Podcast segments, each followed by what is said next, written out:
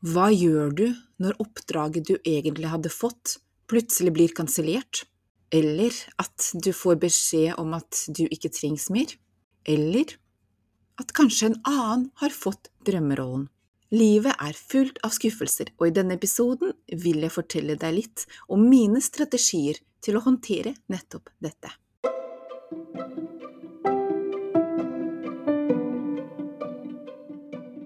Tenk deg følgende. Du er på kino og ser en film hvor du ser to personer gå rolig nedover gata mens de har en samtale. Plutselig legger du merke til en liten, men slående detalj. Gata er jo helt tom. Hvor er alle menneskene, bilene og alt det som vi omgir oss med i hverdagen? Det er nettopp slik filmen ville ha sett ut uten statister. Er du statist, eller går med tanke om å bli det? Følg med videre i Statistpodden.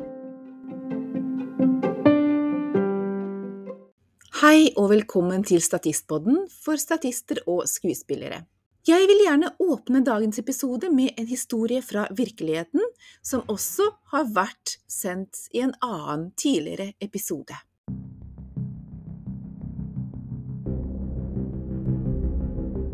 Jeg svarte på en statistannonse og fikk etter hvert svar om at de likte søknaden min og ville ha meg, og at videre informasjon fulgte. Dette var beskjeden jeg fikk fra dem, og som jeg antok betydde at jeg hadde fått rollen. Vi har veldig lyst til å ha deg med som statist, dersom du fortsatt har tid og er interessert. Når noen skriver dette til meg, forstår jeg det slik som at jeg har fått oppdraget som jeg hadde søkt på i forkant.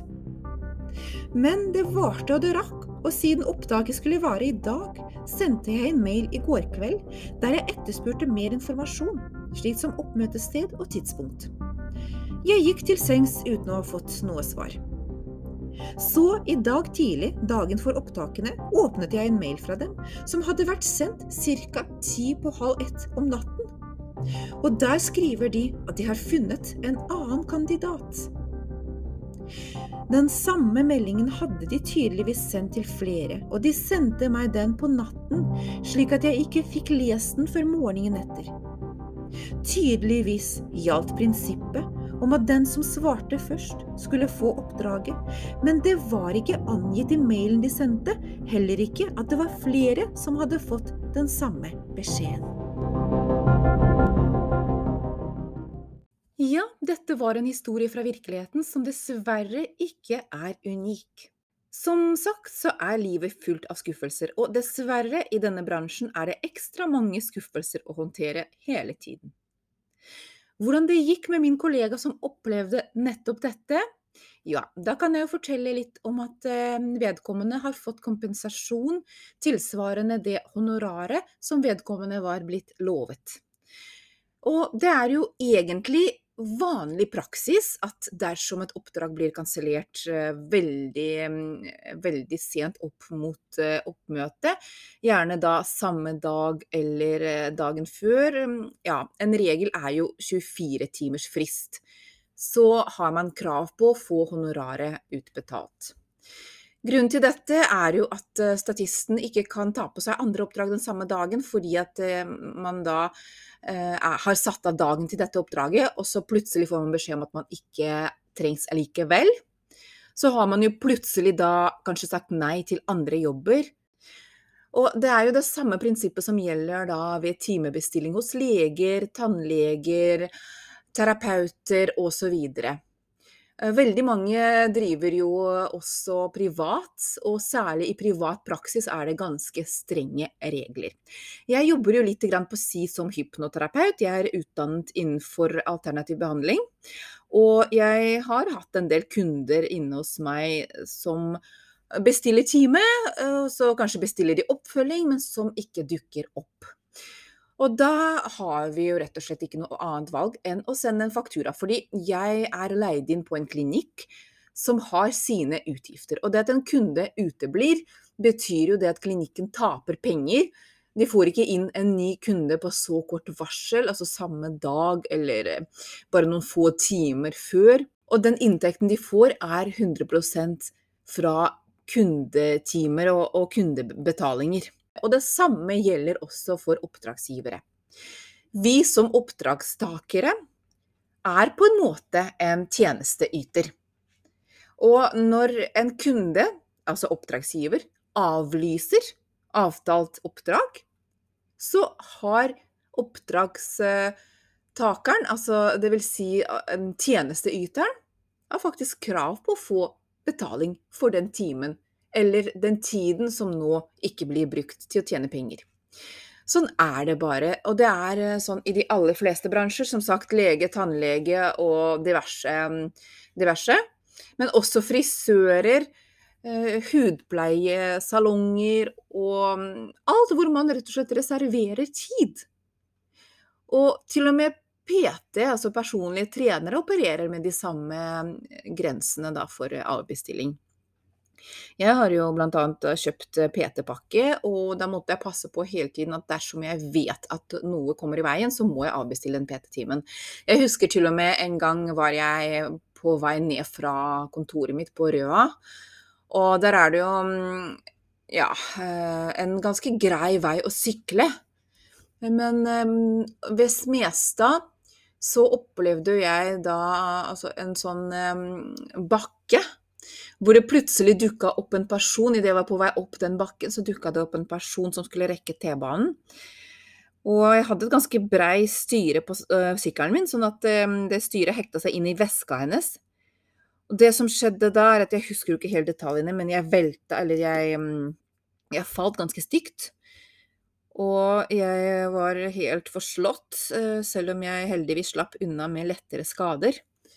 Eh, så jeg fikk hjelp av en eh, mann som var vitne til hendelsen, da. Og hun dama som eh, da bærte på den veska, hun så seg ikke over skulderen engang, bare fortsatte for å rekke T-banen sin. Hun så ikke hva som skjedde idet hun kom ut og nektet å vike for sykkelen. Det var en ganske smal eh, vei der, da.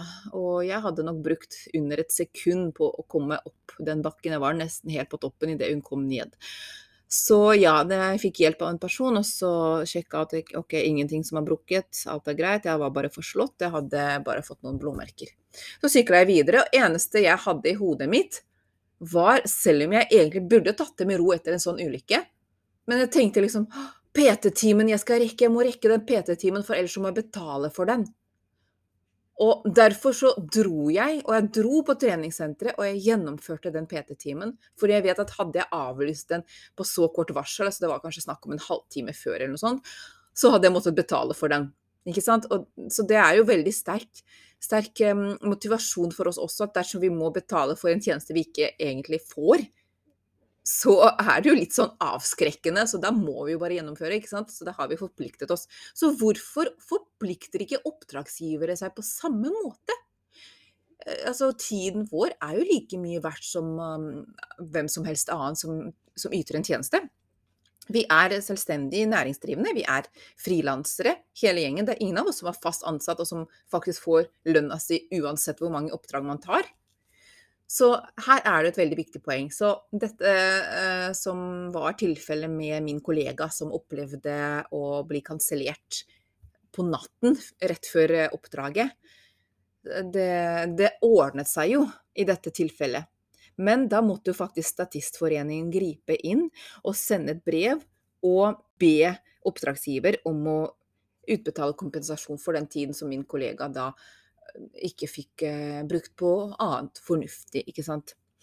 Så 24-timersregelen for kansellerte oppdrag eh, gjelder eh, absolutt. Dersom oppdraget ditt blir kansellert med veldig kort varsel, så skal du ha krav på kompensasjon. Og det gjelder uansett grunn til kanselleringen.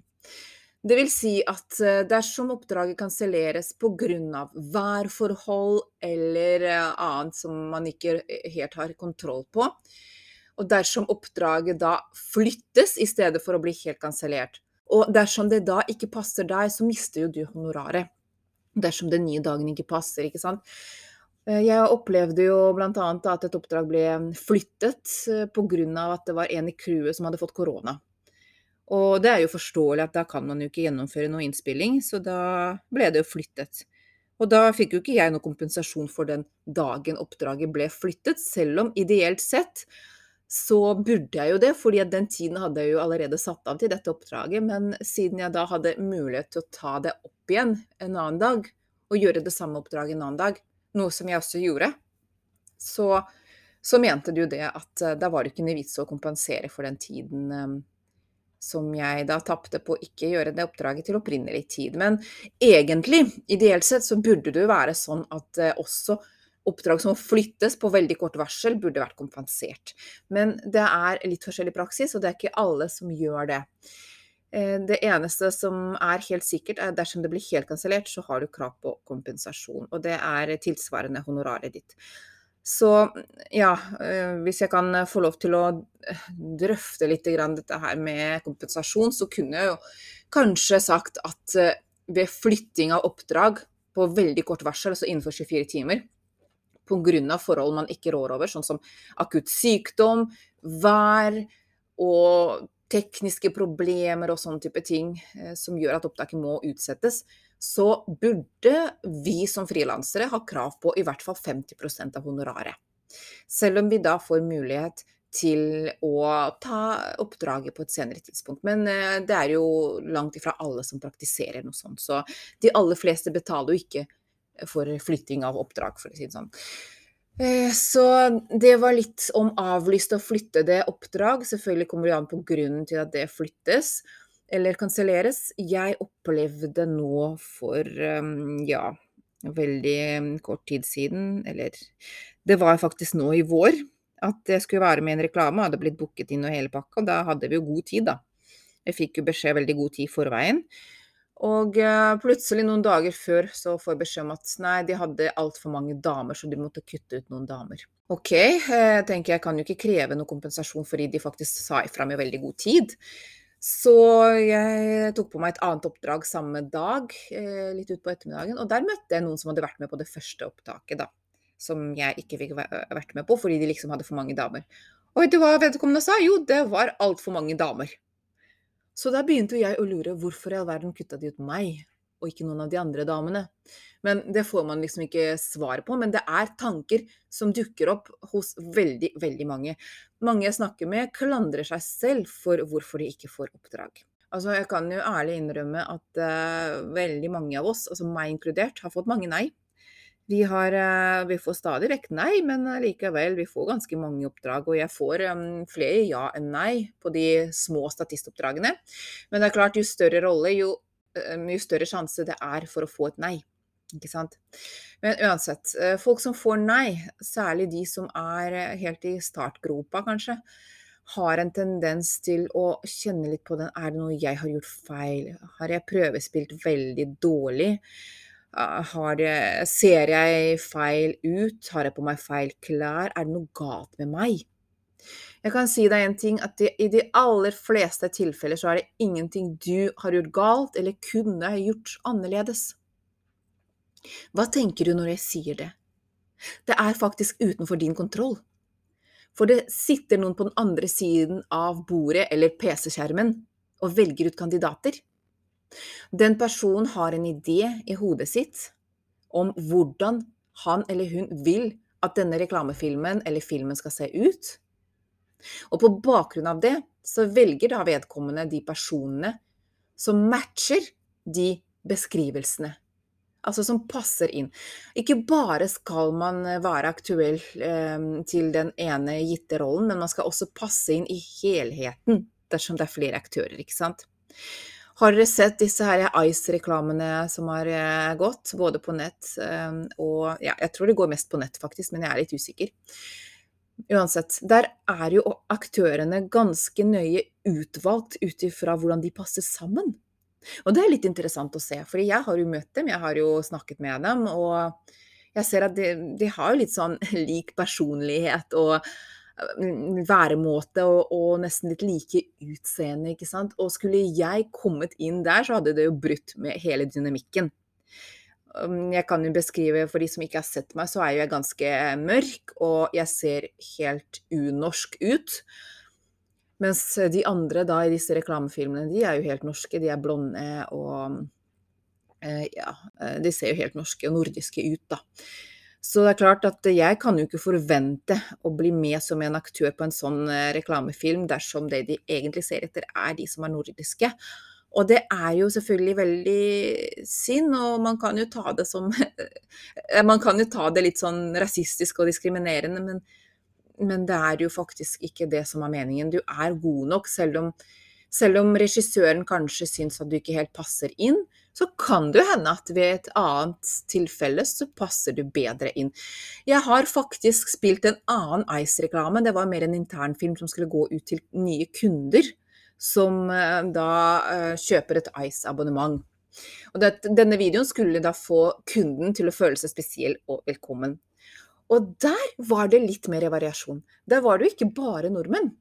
Der var det jo både norske og utenlandske, og der fikk jo jeg også være med. og Der var det jo litt mer mangfoldig, fordi det skal på en måte gjenspeile kundene. Det skal treffe kundene. Jeg har en bekjent som eh, har vært statist i operaen, har spilt i operaen. Og hun eh, hadde jo søkt eh, på en sånn annonse hvor de trengte da statister til en ny opera.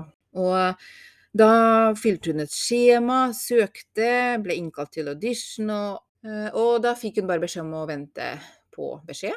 Og da får hun beskjed om at ingen i den gitte aldersgruppen fikk rollen, fordi eh, regissøren bestemte seg for å bruke en yngre kvinne til denne rollen, og ikke da 60 til 70, som var aldersgruppen som min bekjent søkte innenfor, og mange andre også søkte innenfor. Så sånn kan det også gå. Plutselig ser regissøren for seg noe helt annet. En annen ting som jeg har lyst til å ta litt opp med deg nå, er jo dette når du selv avlyser et oppdrag på grunn av at noe kommer i veien. Og det opplevde jeg nå veldig, veldig nylig, når jeg kom hjem fra en helgetur. Og eh, jeg landet jo tirsdag formiddag. Eh, og det er derfor denne episoden her kommer litt sent på onsdagen. Men ja, fordi jeg var rett og slett ikke i form i går. Eh, dessuten så skjærte det seg fullstendig med barnepass. Og jeg fikk egentlig et oppdrag hvor jeg skulle være med over tre dager. Og jeg tenkte jeg får i, hvert fall ikke til. Først så, så, tenkte jeg at ok, jeg kan si ja til det, altså jeg får det sikkert til. Men så når jeg landet, bokstavelig talt landet, så skjønte jeg at nei, jeg kan jo ikke ta det oppdraget. Eh, mannen min var på jobb til eh, langt utpå ettermiddagen, og dette her var et oppdrag som gikk utover kvelden. Jeg hadde ikke barnepass, jeg hadde ingen å ha, til å ha hunden. For vi har også en liten hund da, som er eh, veldig selskapssyk, så vi skal trene nok til å være litt alene, men det er en annen sak. Så til slutt så måtte jeg jo bare ringe og si fra at jeg får dessverre ikke vært med i dag, men jeg vil gjerne med de to andre dagene, for da passer det bedre med tiden. Og, da, og det får jeg jo til. Men eh, så skulle de jo dobbeltsjekke det, da, om det gikk pga. kontinuiteten. Og det gjorde det ikke, så jeg mista jo egentlig hele oppdraget pga. at det skjærte seg den første dagen. Og jeg må ærlig innrømme, jeg tok det jo veldig tungt, fordi at eh, jeg kunne ha tatt det, fordi jeg landa klokka ti på morgenen. Oppdraget begynte klokka tolv, så jeg kunne ha tatt det. Men pga. barn og hund så ble jeg forhindret, og det er ikke noe man får gjort noe med, ikke sant. Det er jo sånt som skjer. Men ja, jeg tok det jo veldig tungt, og um, begynte å tenke at Nei, men kunne jeg fått det til på en eller annen måte, eller Men så bestemte jeg meg da for å se litt fremover og tenke at OK, ja, en erfaring rikere. Det er ofte sånn at man eh, plutselig mister alt når man egentlig um, ikke får til en del av det, ikke sant. Så ja, hvis du sier nei til et oppdrag, så er det jo mange som sier at Eller mange som syns at uh, kanskje man da ikke blir spurt noe mer, eller at man ikke får noe mer.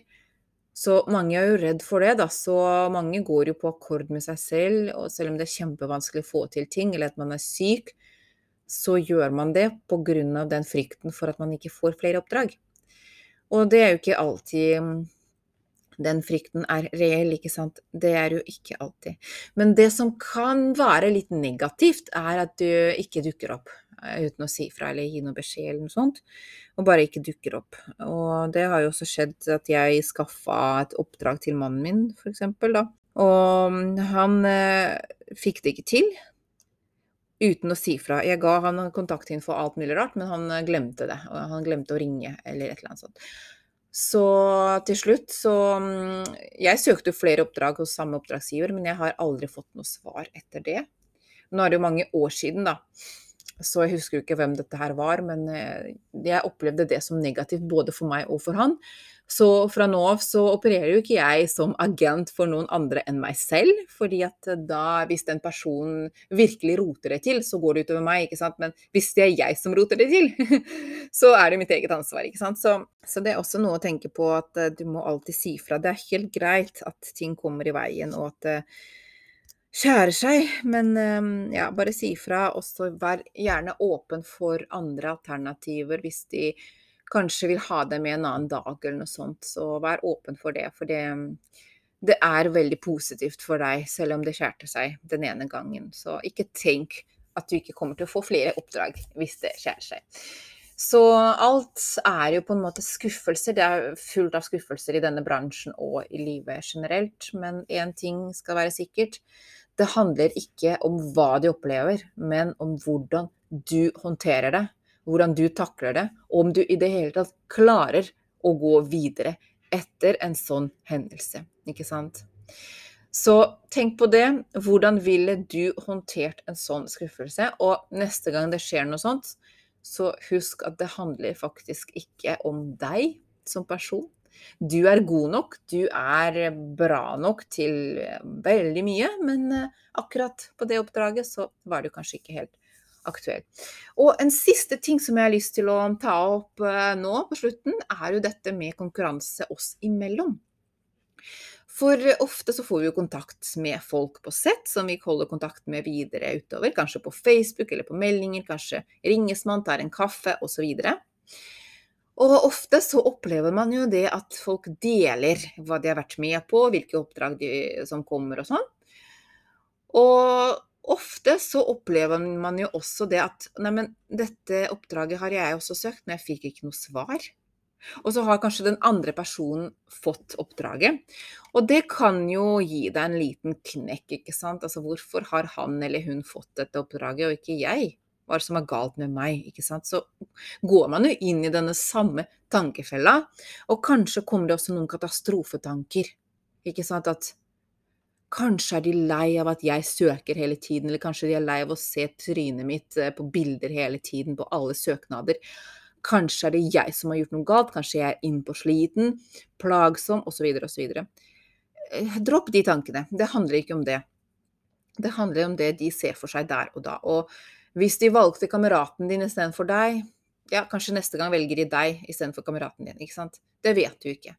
Men jeg vil nok anbefale som generelt og ikke dele med hverandre privat hva dere skal være med på. Om du blir spurt, så kan du gjerne nevne det sånn og sånn, sånn, og da er det lov å spørre at oi, jeg trenger de flere på det oppdraget, for det har ikke jeg hørt om, eller det har ikke jeg fått, uh, fått med meg, det skal være noe sånt, eller Og da går det jo an å dele litt, ikke sant, eller har du noen oppdrag i fremtiden eh, som kommer, ikke sant.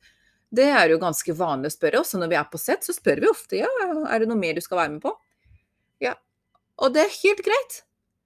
Men la være å dele uoppfordret hva du skal være med på, eller at du har fått ja på et eller annet. Eh, eller hva du har fått eh, vært med på tidligere, med mindre det blir spurt om, da. Vi har jo dette her skrytealbumet da, på Facebook, denne gruppa. Og der legger folk ut alt mulig rart de har vært med på som kommer ut, kanskje. Eller bilder fra sett og sånn. Eh, gitt at, at de ikke avslører handlingen dersom produksjonen ikke har vært på lufta. Så der går det an å dele, absolutt. Eh, å legge ut, men helst unngå å dele det i private meldinger, fordi det kan jo få den andre personen til å tvile litt på seg selv, da. At OK, hvorfor fikk ikke jeg dette oppdraget, hadde jo søkt på det, er ikke jeg bra nok? For mitt vedkommende så begynner jeg ofte å tenke at kanskje jeg ikke er norsk nok, kanskje jeg ikke er lys nok, kanskje, kanskje, kanskje. Og det har til og med gått så langt at jeg hadde farga håret mitt blondt for noen år siden. Jeg tror det var vel rundt 2015, ja. ja. Da farga jeg håret mitt blondt, i håp om at det skulle gi meg flere oppdrag. Fordi jeg så at det var de blonde som fikk flest oppdrag. Altså i mitt hode. Egentlig så er det jo 50-50, og det ser jeg jo nå, men i mitt hode på den tiden så var det sånn at de blonde, de som så mest mulig norske ut, de fikk flest oppdrag. Men det hjalp jo ikke meg noen ting annet enn å slite på håret mitt. Så jeg ga opp hele prosjektet og bare droppa det. Og, og nå så trives jeg veldig godt med, med, mørkt hår. Og det er jo på en måte den jeg er, og det er jo, eh, det er jo min personlighet, og det er, eh, det er en del av meg, det mørke håret. Så å prøve å forandre på seg selv og være en annen enn den du er, det hjelper ikke. Og det samme med parykker og sånn. Ja, det er klart det er morsomt å prøve litt forskjellige parykker og sånn, og jeg har også selv prøvd meg med parykker og tatt bilde og sånn. Men igjen, vil de ha noen med krøllete hår, og du har rett hår, så hjelper det ikke å ta på seg en krøllete parykk. Det har jeg også erfart. Så, så det å, prøve å være en annen enn deg selv i håp om å få flere oppdrag, det hjelper ikke. Og det vil egentlig bare gjøre vondt verre. Så vær deg selv, og tro meg, det er mer enn nok oppdrag også til deg, og det er flere ja som venter deg i fremtiden. Husk, for hvert nei så venter det et ja. Ikke sant? I hvert fall på de små statistjobbene. Og du får jo som regel ja hvis de trenger mange forskjellige, men eh, får du nei eller ikke hører noe, ikke bli skuffet, så gå videre og søk flere. Og et siste tips er å søke kolliderende oppdrag, og søke alt det som du føler du passer til. Mest sannsynlig så får du ikke alt, men du får i hvert fall noe. Så ikke hold av en dag eller to.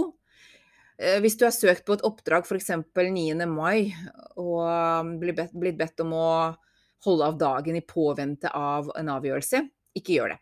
Hvis du ser noe annet som, du, som også er 9. mai, som du vil søke, så gjør det. Du får mest sannsynlig ikke begge. Og hvis du får begge, da kan du faktisk takke nei til det ene uten at det får noen konsekvenser for deg. Og da pleier jeg å ta det som er mest betalt, eller det som tar kortest tid dersom betalingen er lik. En annen ting er også reisevei, da. Hvis det er forskjellig reisevei, så tar du det som er nærmest, f.eks.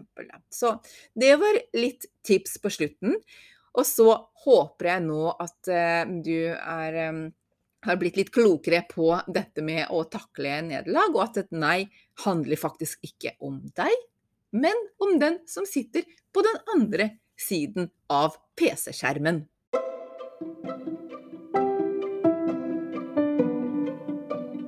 Og med dette så sier jeg takk for at du lyttet til denne episoden av Statistpodden for statister og skuespillere. Men jeg har også en liten nyhet til deg. I mai så starter jeg opp med egne diskusjonsgrupper på Zoom. Hver gruppe skal handle om ett tema, og det vil bli gjort opptak av hele diskusjonen, slik at opptaket blir en hel episode som omhandler dette temaet. Er du interessert i å være med, så send meg en mail på podkast.julianna.no, så vil jeg informere deg om når neste gruppe er, og tema for gruppen. Og akkurat nå så ønsker jeg deg masse lykke til videre med dine oppdrag, og vi høres igjen snart. Ha det bra så lenge.